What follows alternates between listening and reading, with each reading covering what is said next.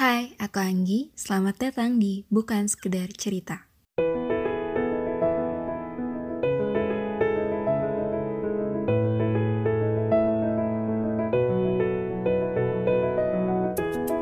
Di sini kamu bisa dengar cerita dari orang-orang tentang titik terendah dari hidup mereka dan gimana caranya mereka bisa bangkit lagi.